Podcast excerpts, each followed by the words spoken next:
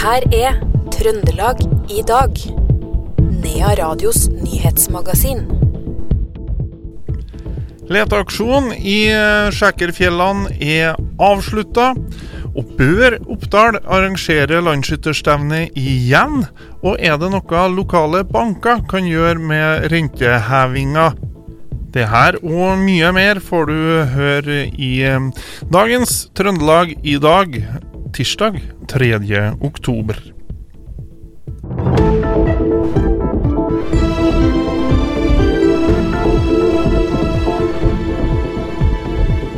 Mannen i 70-åra som har vært savna siden lørdag, er nå funnet omkommet. Det bekrefter politiet.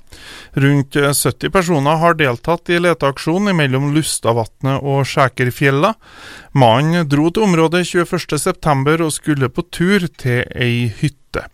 Nå er mannen funnet død, og pårørende er varsla. Den savnede mannen er funnet omkommet av redningshelikopteret SAR Queen, og deretter har de flydd den omkomne til St. Olavs hospital. Mannen omtales som sprek og hadde med seg hund. Han hadde handla inn mat til turen, og det skal være mange hytter i området. Hunden ble funnet i live sammen med sin eier. Det opplyser Trønderavisa. Vi ønsker ikke et nytt kontor. Kontor og husleie binder opp ressurser som vi heller ville kunne brukt på patrulje og etterforskning. Ja, Det sa politimester Nils Kristian Moe i Trøndelag politidistrikt til NRK tidligere i år. Regjeringa beslutta likevel å åpne 20 nye politistasjoner. Ett kom i fjor, og ni skal åpnes i 2023. I dag var det Meråker politistasjon som åpna. Stasjonen holdt på rådhuset og ville ha åpningstid og telefontid på tirsdager og torsdager mellom klokka 9 og 14. Og stasjonssjef Per Ivar Olsen sier åpninga har blitt godt mottatt av befolkninga i Meråker. Foreløpig så er de tilbakemeldingene som vi har fått veldig positive. Mange er veldig glad for å få tilbake en Eh, politipost i, i bygda si. Eh, og eh, tror jo at det er en del som kjenner på at det bidrar til en økt trygghetsfølelse.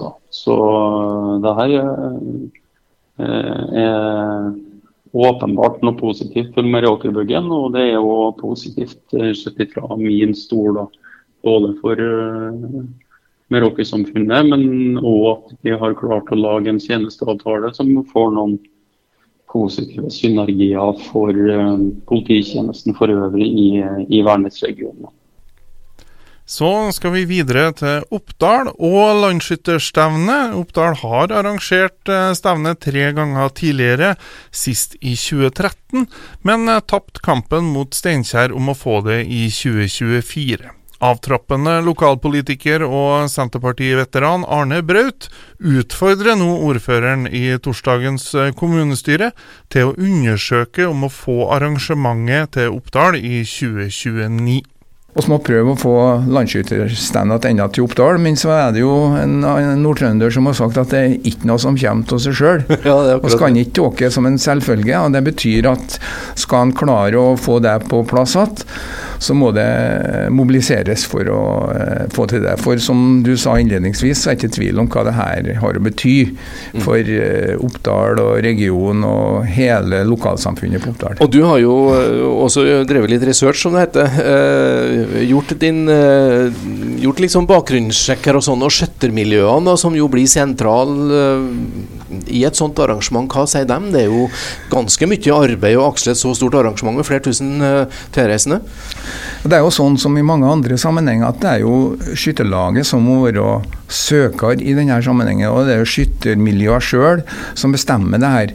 Så det er klart at det hviler et stort ansvar på, på skytterlaget. Og jeg, jeg har jo drøfta det med Arne Robert Skarslin og de sentrale personer i skytterlaget, som egentlig tykker at det her er en de er glad for at vi nå prøver å sette dette her på dagsordenen igjen, men det her er jo et enormt stort løft. Og hvis det skal skje, så er det naturlig at da må Skytterlaget få eh, klar melding om at det her vil lokalsamfunnet, kommunen, næringslivet og andre være med og stille opp på å eh, prøve å få til alt. Mm. Ja, Hvilken rolle det mener du kommunen uh, må ta her? da? For Det ser seg jo selv at uh, skyttermiljøet kan jo ikke aksle det her på, egen, uh, på egne vegne. og Det krever jo investeringer, og det er jo et ganske stort økonomisk løft med et så stort arrangement. Hva er kommunens oppgave, dette mener du? Nei, altså kommunen må jo være med på en sånn måte at de Det er jo ikke kommunen som skal styre det her, kommunen må jo være med.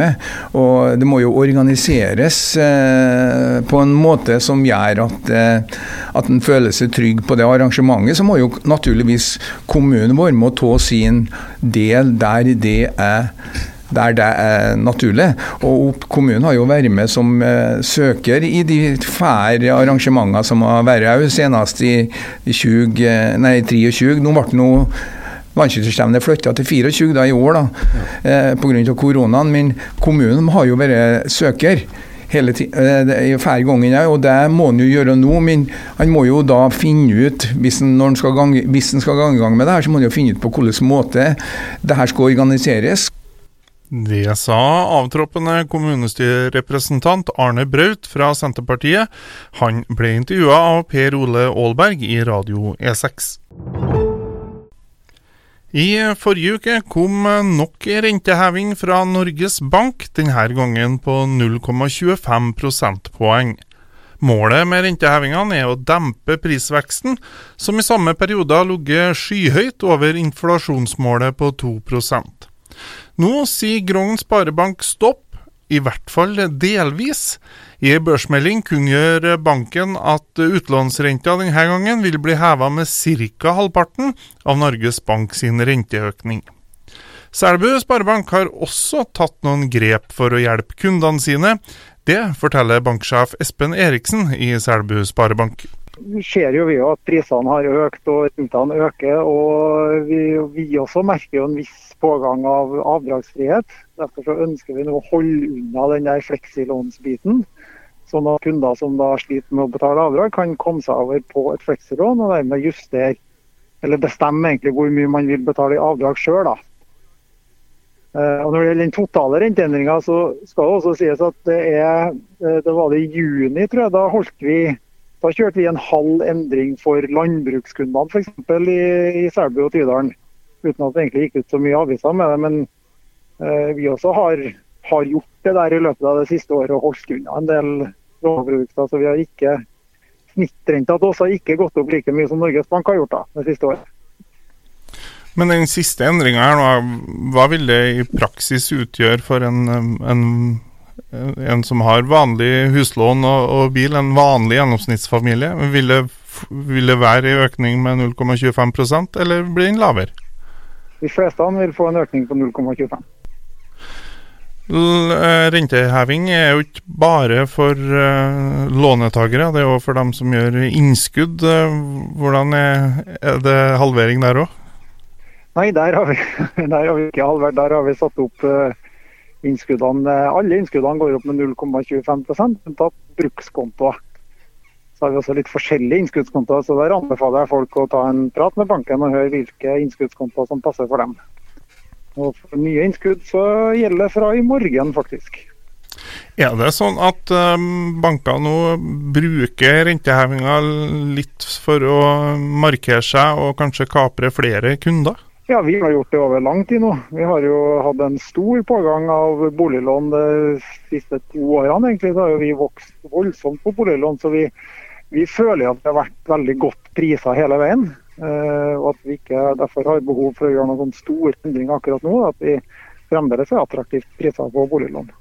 Det er jo kanskje snakk om at det kan bli flere rentehevinger før det skal gå nedover. Det er jo ulike mm, teorier på det, men uh, hvordan ser du for deg fremtida? Vil, vil dere følge Grong ved neste renteøkning?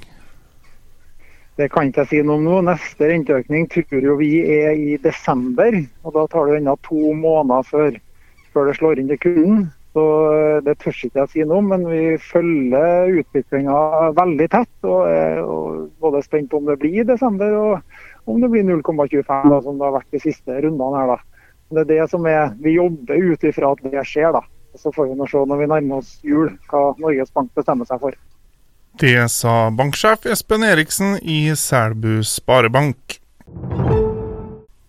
I går ble det kjent at flyselskapet DAT, eller Danish Air Transport, tar over Rørosruta fra 1.4.2024. I dag er det Widerøe som flyr ruta. Røros-ordfører Isak Veierud Busk ser ingen problemer med den nye aktøren, som har flere perioder på Rørosruta tidligere. Ikke veldig lenge siden det var eh, relativt tragiske tilstander for å kalle det, på flyruta Røros-Oslo, da vi hadde Air Leap som operatør.